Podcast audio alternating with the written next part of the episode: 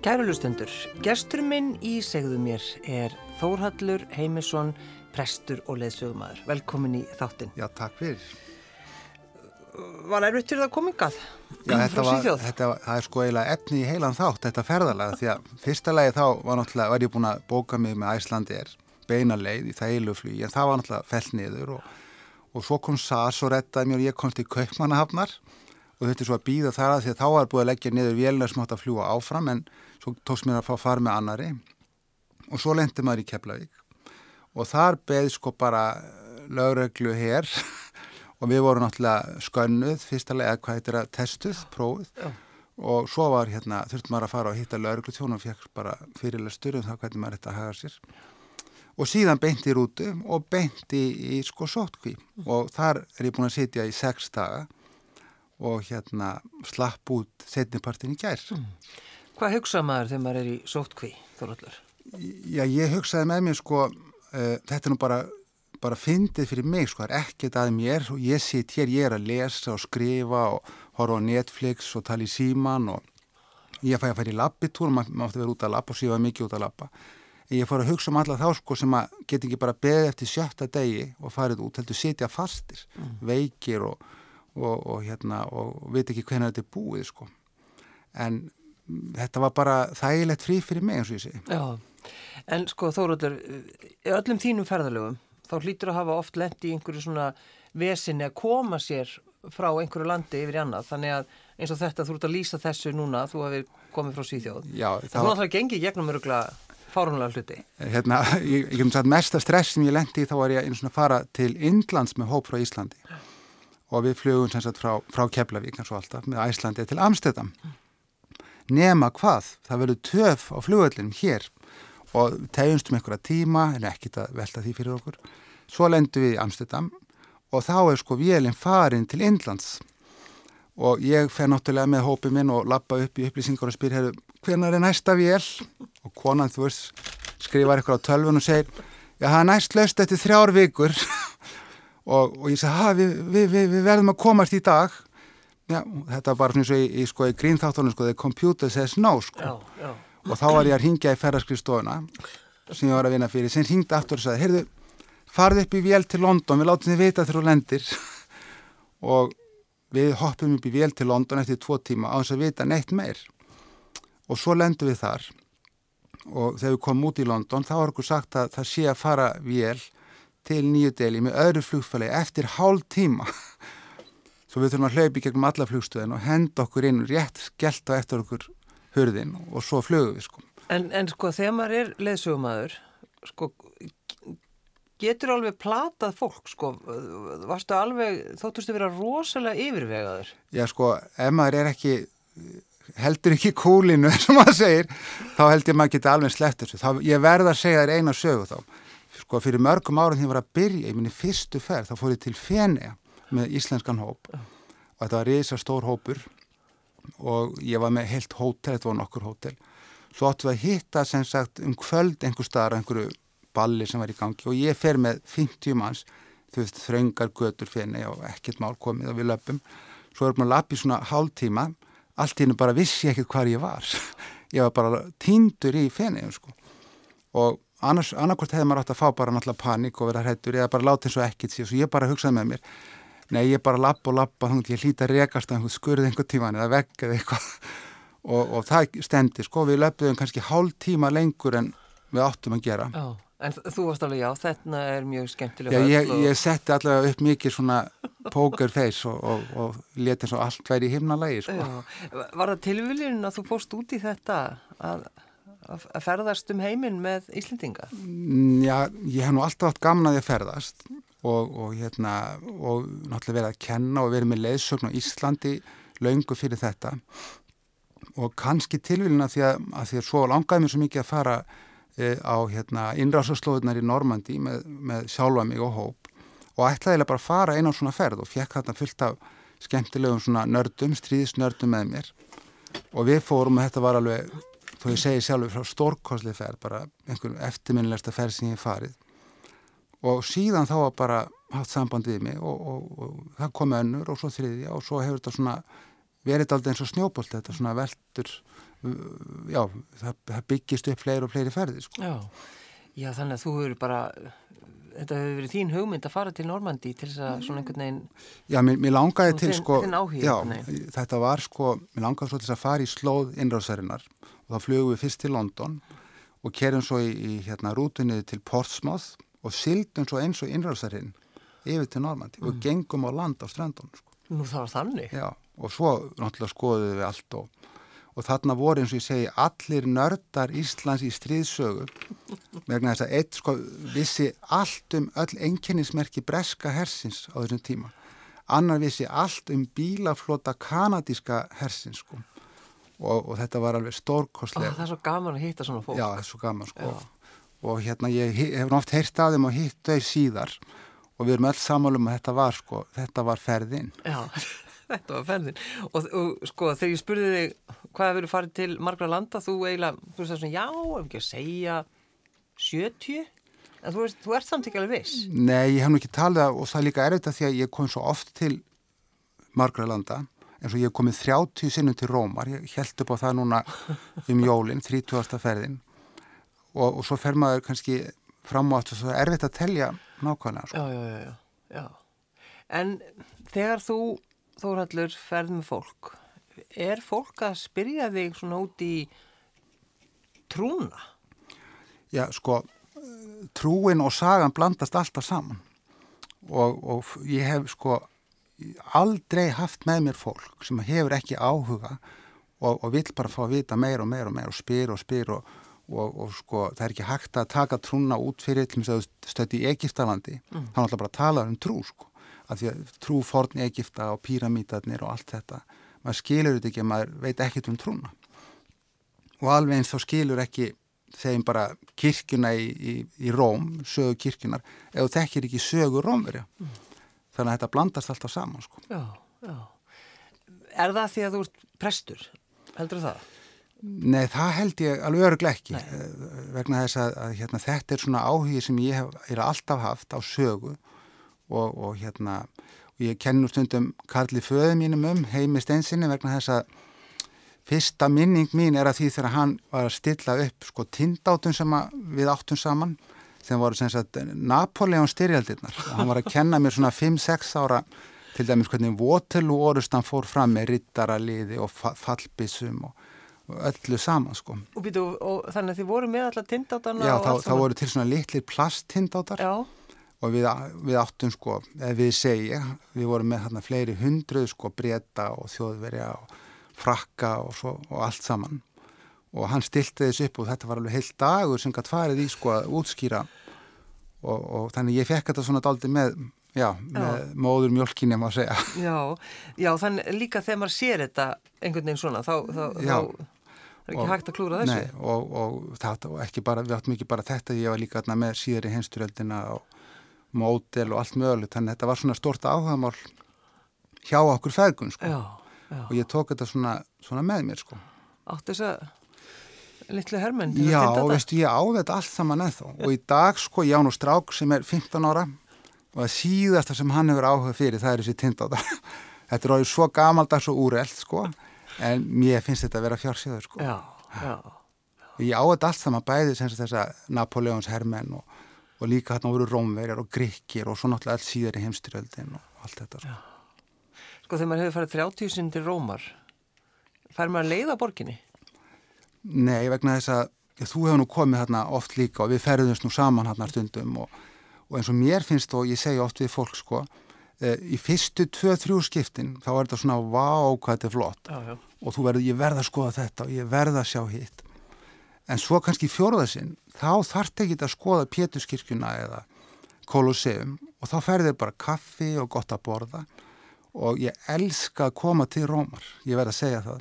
Kona mín hefur stundum komið með og stundum eitthvað af börnmálum mínum og mér segja mamma hefur komið með mér einsunni og þetta er alltaf indislegt að vera í Róm og ég hef líka gaman að segja frá að því að fólk náttúrulega hefur mikið áhuga en, en svo líka bara, já, bara vera og gera ekki neitt. Já, já. En hvernig svona, hvað ertu stattur núna, Þórhallur Heimisson? Sko, síðast ég talaði við þig, þá sagður já, ég er náttúrulega hægt að vera prestur. Já, og ég er búin að reyna það. Já, akkurat. Eh, Viltu stoppa þetta hérna við þetta? Nei, ég er sem sagt bí út í Svíþjóð og, og það er nú sko þetta semja svona kannski auðveldar en hér. Ég er, sem sagt, er prestur í Svíþjóð og, og samdi um það að fá að vera sem sagt, ég vil ekki segja lausræðin en ég get farið þegar ég vil. Þannig að ég er búin að vera að vinna mjög mikið sem leðsugumadur núna undarfærið þrjú ár og til dæmis bara núna á þessu hösti voru fjórar mjög stórar ferðir skipulaðar. Einn til Egiptalands, einn til Ísrael, einn siglingum meðrahafið og einn til Nepal og Bútan. Og, og þá fæ ég bara að fara sagt, og svo þegar ég kem heim þá bara hoppa ég inn í starfið aftur sko. En núna náttúrulega er öllu frestað og við erum búin að fresta öllum ferðum fram á næsta ár og svo veit maður náttúrulega ekki meir sko. nei. Þannig ég er nú bara svona eins og aðrir, já bæði leysuminn og við öll sko, við erum öll að, maður veit bara ekkit hvernig framtíðin verður. Nei, nei, það er svolítið þannig. En að því að, sko, manni svona, ég mér brá einhvern veginn þegar þú saðir þetta, já, ég ætla að hætta. Að því maður einhvern veginn ymda sér, er, er það bara, er það hægt? Nei, maður, maður er náttúrulega alltaf prestur í og prestur í sér og prestur og getur, getur náttúrulega alltaf starfað sem prestur. Ég meinti kannski það að ég ætla að einbita meir og meir að, Já, að þessu og svo líka skrifum og skrifa. Og, og það er líka stort áhugamál hjá mér og hefur lengi verið að skrifa. Og, og draumurinn var sem sagt að, að færa mig algjörlega yfir í það. En, en eins, og, eins og segi eins og staðin er núna í heiminum og þá náttúrulega er þetta allt bara svona stopp og, og ég er þá starfandi í Svíþjóð núna bara sem prestur. Og, og hvað ertu? ég er í Uppsala sem er, já, Uppsala það er háskólaborg svona 60 km fyrir norðan sem sagt Stokkólm, ég býð þar og við fjölskyldan og ég er að vinna rétt fyrir utan borgina. Og, og ertu með einhverja, veist, það er einn kirkja, þú ert þar eða, eða hvernig? Já, nei, þetta er nefnilega, þetta? er öðruvísu sko, þetta eru, þetta eru sjö kirkjur og við erum sem sagt fjóri prestar og 25 starfsmenn með, með, með sjö kirkjugarða. Þannig að þetta er svona, hver söpnur út í síð það er miklu meira bara eins og, fí- eins og fyrirtæki sko, bara sjálfstæð starfandi fyrirtæki þannig, þannig að hérna Já, það eru auðvelt til dæmis þegar ég fer, fer í frí og þess vegna get ég samið svona þá getur að einhver annar alveg auðvitað hoppað inn sko. En eru svíjar, eru þeir hissa á því að, að, að það sé íslenskur prestur þannig?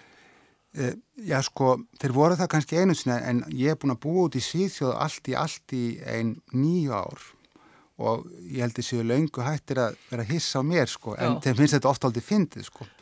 Og, og hérna, ég, það líka, það, það heyrist alltaf, sko, framburðurinn að maður er náttúrulega ekki, hérna, ekta svíi, en ég fæ á svona skemmtilega spurninga eins og hvort ég sé frá Álandsegjum, hvort ég sé frá Finnlandi. En engum dettur í hug sem hefur ekki hitt með áður að ég sé frá Íslandi sko. það finnst þeir náttúrulega alveg. En svo finnst það sniðut, mjög sniðut Já, þið finnst það bara sniður. já, já, og Ísland er náttúrulega veist, það er rosalega, gott að vera Íslandingur það, það er svo jákvætt og öllum finnst það svo fyndið og skemmtilegt og svo fara mér að spyrja um hestana og, og yfirleitt fær maður að heyra ég hef komið til Íslands Já, já, já. og það var alveg frábært eða þá, ó, mér hefur alltaf langað til að fara til Íslands það er bara þetta annað hvort sko En er það þannig sko, heyrir fólk það þá þegar það eh, situr í kirkinu og þú ert að messa? Já, Þóraldur, heyrir fólk það? Já, þessi, þetta er útlenski presturinn. Já, það- er, er, er, það- já, sko, það, það- er svíi og það er íslendingur. Já, það heyri það á, á, sko, á framburðinu. Já, ég er ekki, ekki meina það sko, ég er ekki, ekki endilega frambyrð. Já, þú meina bara svona sem, sem sko, hvernig maður lætur, já, hvernig maður hagar sér. Hvernig maður hagar. Já, þau, já þau, þau vita það, sko, Mm. þau náttúrulega, maður er ekki eins og svíðarnir, sko. En, en það er líka bara jákvæmt finnst þeim, sko, og, ma og maður færi alltaf góð viðbröð og ég til mér oft, uh, og kona mín líka, hún er líka prestur í Svensku kirkjunni. Við endum oft, sko, messur á því að fara með blessunina fyrst á íslensku og svo á sænsku. og, og þeim finnst það alveg æðislegt sko, og spyrja það, menn vilt ekki fara með blessunina líka á íslensku í dag og það er þetta þeim finnst íslenskan svo, svo falleg sko. Já, en hvað eru þið, þú og þín kona, eru þið svona, eru þið að vinna rétt hjá hvort öðru eða, eða hvað? Já, hún er líka að vinna í, sem, sagt, rétt fyrir utan uppsala en ekki í sama prestakalli Mm. þannig við erum ekkit langt frá hvort öðru við erum alveg í sitt hvori, á sitt hvori staðan Já, og hún er að vinna í ennþá stærra starfsum hverjum ég, ég man ekki hvað eru mörgildi síðan eitthvað tíu prestar eitthvað svo leis sem eru að vinna þarna Þú ætla að tala um, já, ég hef á, það er mitt áhugamál að skrifa. Hvernig ætla að hægt að tala um það sem áhugamál? Hvernig ætla að fara að kalla það rítvönd? Já, ég veit að mér finnst það nú, maður get ekki gert það sjálfur. Nei, mitt. En þannig ég ætla nú bara að kalla þetta áhugamál þangað til, en það er þetta fyrst og fremst áhugamál, sko. Já. Hvað er það sem þú skrifað? Hvað er fyrsta bókin sem fyrsta kom út? Fyrsta bókin, það var, það eru, það eru akkurat 20 ár síðan núna. Það var lítið bók sem hétt Hamingjuleitin og þetta var svona, var svona pistlar um hamingjuna. Hvernig maður getur eiginlega aukið hamingjun í lífinu. Það, það var, er það sem við viljum öll vita, já, ekki? Það var fyrsta bókin, sko. Nú síðan kom út önnu trúabræðabók, það er svona hinn mörgu andli trúabræðana og svo stríðsaga sem að heitir Ragnarök og það eru bara, þá var það sko stríðsmaðurinn í mér sem tók yfir Já. og það eru svona tíu örlega ríkustu orustur veraldarsögnar sem ég skrifaði um sko Já. Og það var akkurat árið sem ég fór með hópin til Normandi sko, þá var ég alveg með þetta á heilanum. Eins og, Já, eins og heyri sko, já. Já, hvað, tíu tíu örlega ríkustu orustu veraldarsögnar sem er sendt breyttu algjörlega sögunni þannig að allt var allt öðruvís á eftir sko. eins, dæmi. Já, eins og til og með innrásin í Normandi já. Já, þá náttúrulega fjall eh, sko, Tískaland endalega en, en ég tók líka til dæmis Konstantín Opel eða Miklagarð þegar að muslimar og tyrkir tóku Konstantín Opel mm -hmm. 1453 og, og, og Östrófinska ríki bara kvarf og Tyrkjaveldi tók við.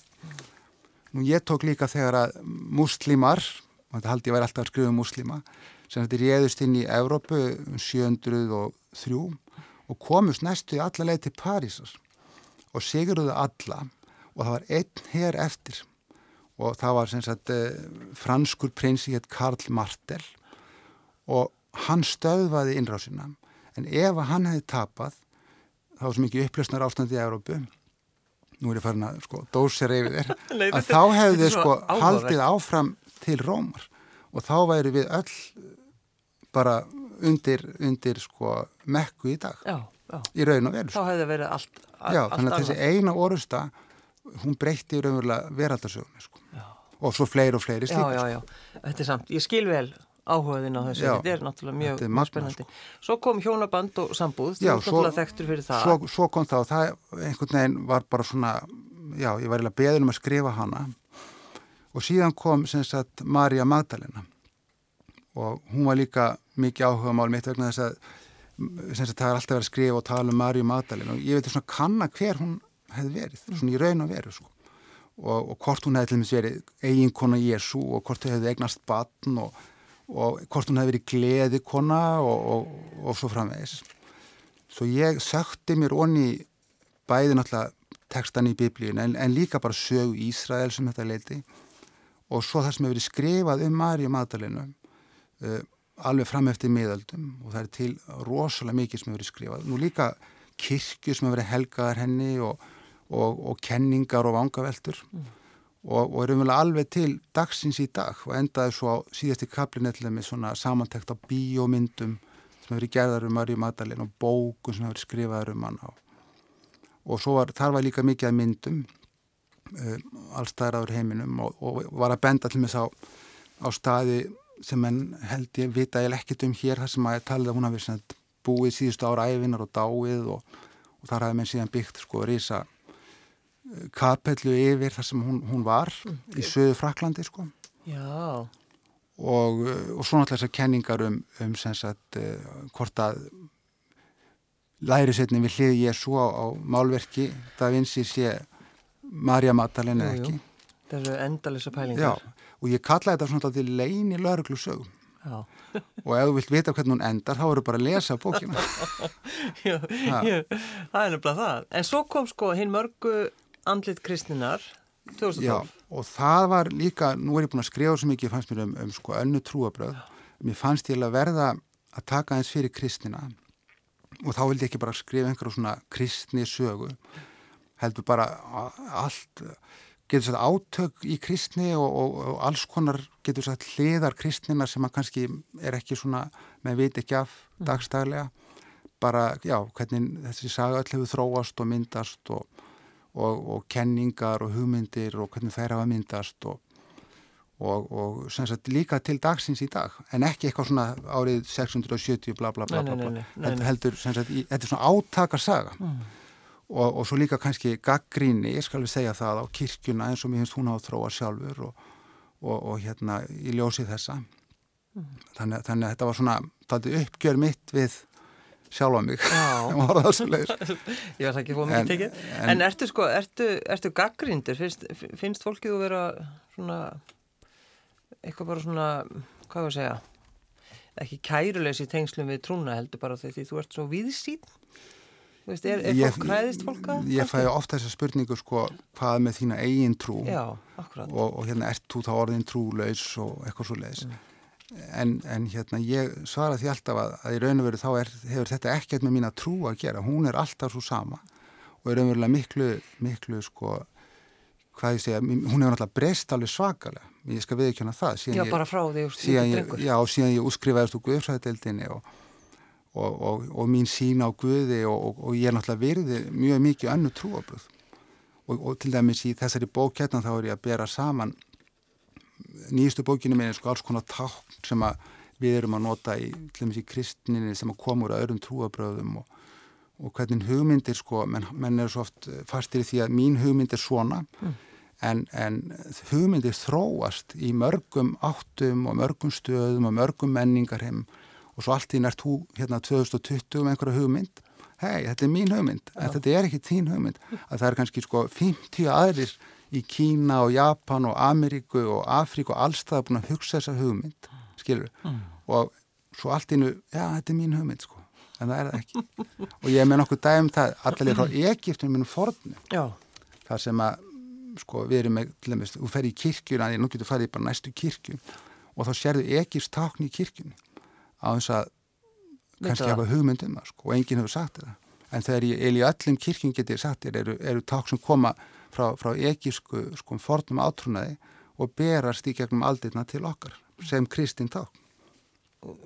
Getur líst tákninu eða, Já, það, það er bara eitt sem er mjög einfalt og allir þekkja og það er bara þrýhyrningur með auganu í. Já. Það, það er svona eitt af þessum sem allir þekkju er í öllum kirkjum og, og það, það er sem sagt þangað kristni kenningu er þetta þrenningin, faði, sonur og heilaurandi en, en þessi, þessi mynd, þrýðningur er náttúrulega píramítin og augað í þrýðningnum eh, það er á gravarmyndum í fornum gröfum í Egiptalands og sem ég hef búin að skoða mjög margar og þetta er auga Hórusar og Hórus er sólarguðin sem er svonur Ósýrisar og Ísisar sem eru svona grundvallar guðir forn Egipta í 3000 ár.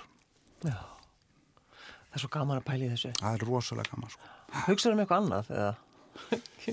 Já, stundum finnst koninu minni ég vera aðeins utan við mig. Hvað ert ég að ég segja? von hún heyri þetta ekki. En núna er semst komin út nýbók Þórhallur Já. Heimisson, það er Saga Guðana og ljósmyndirnar eftir þig, er það ekki, Jú, allar nema einn. Hver tók hana? Bjarni Harðarsson tók hana í Mosku Já, og hérna, það er hann sem gefur út bókina eða hans útgáfa. já, og þegar við vorum að sitja saman þá fannst honum endilega hann ætti svo flotta mynd af, af rauðatorkinum og kreml já, og þannig við skelltum henni líka. já. En sko, forsíðan, myndin sem að, ljósmyndin sem hún tekur, sem er á forsíðinni. Já, hún er frá, heitir á ennsku The Tiger's Nest eða, eða Tigris reyðrið og er að finna í Bútan og ef mér veit ekki hvar Bútan er þá er þetta pínulítið land í Himalaya fjöllunum, mitt á milli Kína og Indlands og þarna í 3800 metrar hæð er sem sagt í fjallinu er, er samt svona búta mustera. Frá því á 8. öld eftir Krist. Og þetta er dagsklifur að klifra þarna upp, þetta er grí, gríðarlega einstíði sem að fer þarna upp. Og, og þessa mynd tók ég áður í mustir svo er svona gjá í milli frá því það sem myndin er tekin. Og maður fer yfir svona, svona hengibrú og myndin er tekin á, á sko iPhone, það er það sem er aldrei merkilegt af því að ég er aldrei ánægð með þessa mynd að hún er mjög skýr og, og þetta er bara tekið á síma sko. Að ég gæti ekki verið að bera með mér mikið að mynda eða myndavélum með annars líkt. nei, þú, þegar þið lappið þarna upp, það er hvað, einn dagur að lappa eða? Já, við leggjum að stað snemma mótni og, og hérna svo hálnuð þá skiljum við eftir þau sem er kannski eldri og svona því að þetta er, náttúrulega- það er svo þund loftið maður að passa sig og þannig þau byði eftir okkur og svo heldum við hinn áfram. Og þannig erum við sem komin alveg upp að og það er svo bara þvernýpið þarna niður þessi, þessi klöstur hanga utan í klettunum. Og svo þegar maður kemur inn í klösturinn þá er búið að grafa inn í klettana. Þetta eru alltaf uppalega gamlir hellar og svo leiðis og svona yfir öllum klöstrunum er svo gamalt musteri sem, sem er elsta musteri og það er svona djöfull sem býr í því. Og hann er svona máttur fjalla demón sko, djöfull og hann vendar allt svæð og ræður umvel yfir öllu svæðin og, og þanga máttu ekki koma það var eiginlega eina Þið máttu ekki fara þanga? Nei, og, og alls ekki konur og þeir sögðu nefnilega heimamenn að árið 2008 þá slapp konaðanga einn og þá kviknaði öllu saman. Þannig að það var ekki, en, en ég verði að segja það líka, það var einn mjög huguð íslensk kona með mér þarna mm. og við við stálumstu upp og kíktum í gegnum skráagatið. En, en sem sagt við fórum ekki eins sko. Nei, nei, nei. Séðan sín. Já, við svona eins langt og við komst eins og ekta íslendingar. það, er ekki, það er ekki hægt annað. Nei. En þannig ertu í rauninni sko, þú veist að tala um svo, þú veist að tala um alls konar hluti og til dæmis bara hér er eitt kapli, ég náttúrulega tók strax eftir honum Helvitist djöfull Já, þetta er uppáhaldskafli minn Hvað er það sem þú ert að tala um þarna? Já, þarna er ég hreinlega að tala um helviti hvorki meirinu minna. Og, og það er alveg skemmtilegt sko, nú rökka kannski einhverju við, hva, hvað er maður að segja? En, en sér, hugmyndin um helviti, ég var að tala um sko hvernig hugmyndir hafa þróast. Ég er svona að fara eins yfir hvaðan þessar hugmyndir koma sem við gerum og líka meina helviti til hjá geðingum og muslimum og búttistum og hindúum. Og, og sem bara hvaðan koma þessar hugmyndir og hvernig hafa þær þróast og, og sem sagt hvernig tengjast það saman. Hvað er mér sér reynsunar eldurinn, hvernig kemur hann inn í þetta? Uh, hvað verður um helviti hjá búttistum og svo framvegið sko? Og þá náttúrulega kemur hins vondi þarna einn líka og hvernig hann er hjá hennum eins og trúabröðum og þess vegna ég byrði nú hlustendur afsökunar á, á þáttastjórnanda er, er nafnið svona krassandi sko og, og þetta er mjög krassandi kabli þetta er ekki fyrir börn að lesa Nei, nei, nei, nei, nei. það er algjörlega á hreinu það er, eh, sko, það er einljósmynd það er náttúrulega sjálfsögðu það er úr Péturskirkjun í Róm Já. það er Dómstægur Michelangelo Já, Já.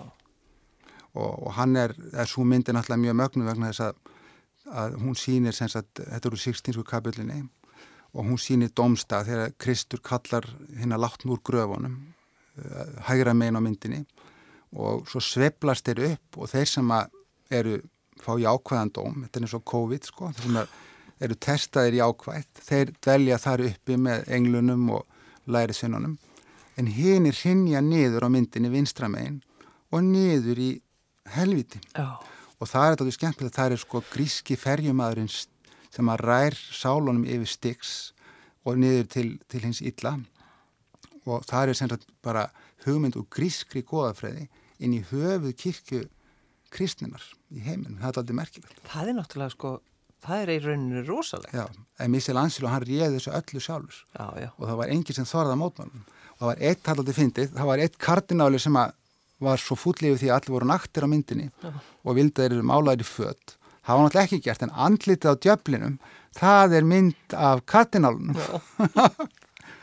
Þetta er eina af þessum svona góðu hérna, skemmtilegu sögum mynd í tengslu við, við listamennina. Já, Já, þetta er alveg frá, frá, frábær mynd og frábær maður sko. Þegar hann segir ég ætla að mála djöflin og það er hann. En svo er, svo er hérna þetta er náttúrulega svo margi kaplar og, og veist, saga guðana þetta er náttúrulega ekki hægt að fara yfir þetta allt saman. En það eru málsættir biblíunar Já, það, það fannst mér líka aldrei skemmtilegt að því að, að, því að hérna, það er svo margir á okkar málsóttum sem kom úr biblíunni. Svo ég tók hérna nokkra fyrir sem við notum dagstæðlega sem bara málsæti og, og síndi hvað þeir koma einmitt í biblíunni. Sko. Já, og, og ég alveg hérna ekkert er nýtt undir sólinni, nei Já. það er ekkert úr biblíunni, það er hérna að hellur skálum reyðir sinnar. Já, það er úr biblíunni sko. Það eru ofinbjörnum bókinni. Já, og, og það er, þannig er við með staðinni líka þar sem að þar sem þessi málsættir eru sko. Já. En er sko, er fólk einmitt, þegar þið eru að ferðast saman og þú ert þarna, er fólk einmitt að tala og spyrja þið út í svona hluti? Já, það, við spjallum mjög mikið saman sko. Ég, ég myndi segja, ég spjallan oft við, við fólk um allt mögulegt og fólk er að spyrja og, og, og þá kemur margt að þessu upp sko. Mm. Og bókin, svo ég segi það, hún er hugsuð aldrei svona eins og ferðasaga það sem að ég er náttúrulega að segja frá öllum þessum trúabröðum en ég segi frá þeim í ljósi þessara ferðalaga minn á staða sem ég er komið til og, og upplifana með fólki og þannig þetta er, svona, þetta er líka svona persónuleg ferðasaga má segja mín á þessa staði mm. tengt þessum kenningum og, og þar með svona spurningu sem ég hef fengið sko. Já, já. Getur og hefur alltaf geta svarað öllum spurningum þóraldur sem þú fengið í þínu ferðalögu? Öruglega ekki, öruglega ekki. En lætur þú samt eins og þú vitir það eða? Nei, ég reynir nú að viðkynna ef ég, ef ég veit það ekki. En þá, það er svo oft þegar maður er að ferðast að maður er með svo gott fólk með sér sem veit allt líka sko. Og svo er þegar lesuðumæðurinn klikkar eins og þegar við fórum til hérna Normandi og ég var með alla nördana með mér að ég þurfti eiginlega ekkert að tala sko að því að þeir voru tilbúinir að grýpa hljóðnumann og segja frá hérna panserskriðrikonum þísku hvernig þeir voru framleitir og skrúaði saman og bla bla bla sko. Já, já, já, já. Og ég bara nöyt þess að hlusta á líka. Og þú hefur hérna bara kinga kollið við því. Já. Já, já. En sko, þegar þú tekur þessa ákverðin að fara að skrifa um sögu guðana, bara það ákveða, ég ætla að skrifa bók um sögu guðana, þá einhvern veginn myndir fólk bara sko að hugsa, það, þetta er eiginlega ekki hægt. Nei, já, ég aldrei, já, það, það nú ekki hug, sko. Þetta er líka eitthvað, sem, eins og ég segi, þetta er bara mér stóra áhuga mál og, og svona eins og ég segi, þetta verður til á þessum ferðalögum líka. Já, já. Að ég er að sapna saman sögum úr, úr skemmtilegum ferðum og upplifunum og, og, og tengja það við þetta eins, eins og bara núna þessi ferð til Laos sem var nú reynda bara mín enga ferð að það er náttúrulega gríðarlega mikil upplifun að vera þarna á þessum tíma núna með dóttu minni sem er að, var að kenna þarna og svo kemur þetta hrun og og, og þetta, þetta tengir svo bútismannum líka sko. Mm. En, en þetta er bara mín persónlega ferð líka sko. Varstu, varstu syns, í Láos núna þegar, að, þegar allt byrjaði hérna? Já, við, við syns, dótti mín einn, uh, Rakel, hún var að vinna með vinkonu sinni sem ennsku kennari í Vientiane í Láos og, og hérna við fjölskyldan uh, skelltum okkur bara í heimsók til þeirra og vorum þar núna í, í februar, bara núna 2020 mm. Og þá höfum við heirt af einhverjum veikindum í Kína, við tókum ekkert mark á því frekar en aðri sko. Akkurat. En, en við erum svolítið alveg framundi mánuðamótin februar-mars og þá er bara byrjað að loka í kringum okkur og við erum búin að ferðast um, um Laos og marga myndir einmitt frá Laos hérna líka og, og hérna við komumst með síðustu vél til, til sem sagt eh, Thailands, til Bangkok og þaðan áfram en dóttir mín og vinkunennu þær voru eftir, ætlaði að prófa aðeins lengur og svo bara nokkur, viku setna þá voru bara allir farnir, allir útlætningar og það var minnst amerísku spítali sem er reygin fyrir heimamenn og hún ringdi í mig eitt morgun og þá bara voru læknandir amerísku farnir þá var bara búið að sækja alla kanona mhm. -huh. en íslenska auðvitaðingistöðan og það var bara hægt að fljúa sko. það var ekki hægt að komast í burt og skólinn lokaður og bara allt lokað uh -huh. Og þá sannaði nú íslenska þetta sig alveg stórkostlega vegna þess að ég ringdi hingað og þeir voru með svona að hjálpa fólki og þetta var náttúrulega alveg vonlaust, þú ekki fyrir að senda íslenska flugvel til Vientiane í Laos nei, nei. en þau sem sagt höfðu upp á þískri björgunavill sem að var að fara að ná í þíska borgara og þjóðverðarnir kiptuðu með báðum stelpunum og þær flugu allar leið frá Vientiane til Frankfurt í einni bunnu sko.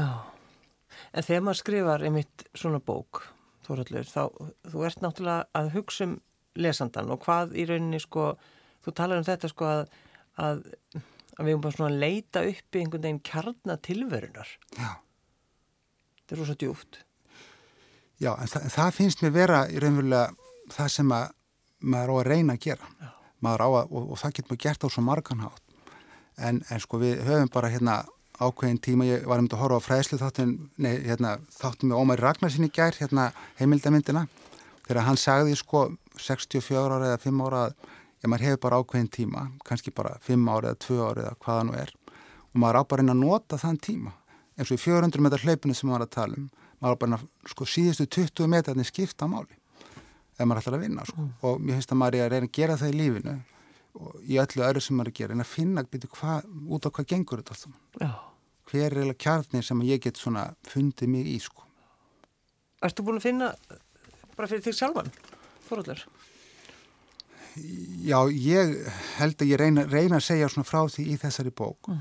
Uh, ég ætlumis eh, hef stundað hugleislu bæði östur á Índlandi og, og í Seúl og í, í, í Söðukóri og, og náttúrulega í heimalæga fjöllunum og, og í kristnum kirkjum og, og ég er samfærður um tilvist Guðs að Guð er til þetta afl sem við hefum kannski erið með að skilja eh, og ég held mig, ég meir að segja frá mínu hugmyndu það hvernig ég held að við, við getum nálgast hann og, og hafði eftir döðan eh, hvernig trúabröður reyna að útskýra hvað hva verður um okkur og, og ég er nokkuð já, ég, ég stend nokkuð fastur á því fyrir sjálf sko. mm. En, en þar með finnst mér að aðri er að leita sinni Já, þannig að þú ta tala ekki sérstaklega um það þú vilt ekki tala um það hvað, Já, ég, ég reyndar er þarna eitt kapli þar sem ég svona kasta fram minni hugmyndum það hvernig þessi leið liggur hérðan og, og, og yfirum og í næsta, næstu tilvist ja. og, og hérna sem ég er nokkuð sannferður um en, en það er bara langt mál að vera að lesa það ja. Já Þetta er náttúrulega ótrúlegt. En hvað ætlar að gera, þú ætlar að vera hér náttúrulega einhver tíma, er það ekki, Þorlur? Jó, það, það er nú, ég vildi ég gæti verið lengur en ég er bara að fara á mánudaginn, uh, kemur, sem sagt, og það er þess að ég verða að skila mér aftur út.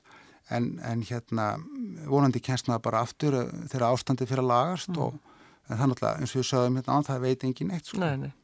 Ertu orðin svolítið svona órálegur að því þú, þú eru ekki sko í rauninni ferðast, þú eru ekki farið með fólk og finnst þetta svolítið svona vantar eitthvað í lífið þitt?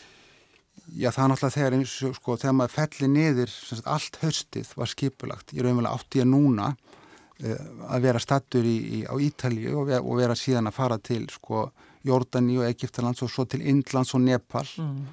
og, og svo til Bútan og, og þetta var allt skipulagt og tilbúið og ég á búin að útvöða mér bækur og upplýsingar ég á vini, hérna góðu kunningi minn sem er leysugum allumis í, í Kæró í Egiptalandi og þá náttúrulega það maður aðeins að hugsa sig um sko, byttun og við. það er svolítið þannig, það gerir það en, en síðan náttúrulega er bara svo mikið sem gengur á í heiminum í dag að, að veröldin, hún er bara ekki eins og var fyrir sex mánu Nei. og þetta er mjög fyrðuleg tilfinning sem að fyrir gegnum flugvellina eins og Arlanda og Kaupmánöfn og Leifstöð að sko fyrir sex mánu, það er ekki lengra síðan þá var sko, ég komst alltaf í gegnum flugstöðuna í hérna Arlanda fyrir fjölda. Nei.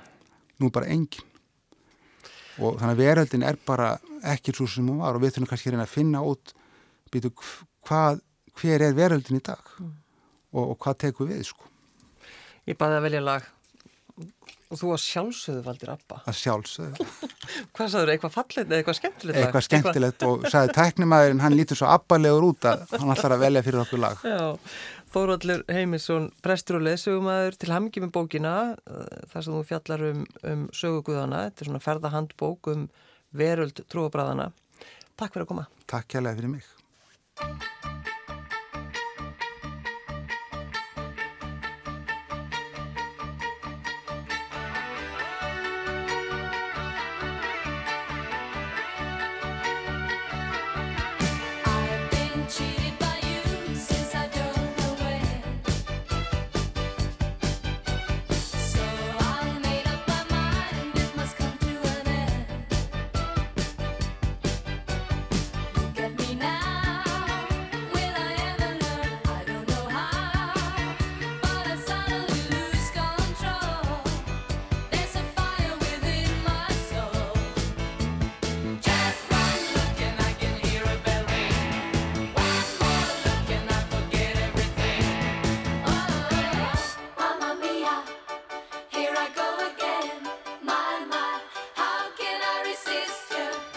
mamma mia.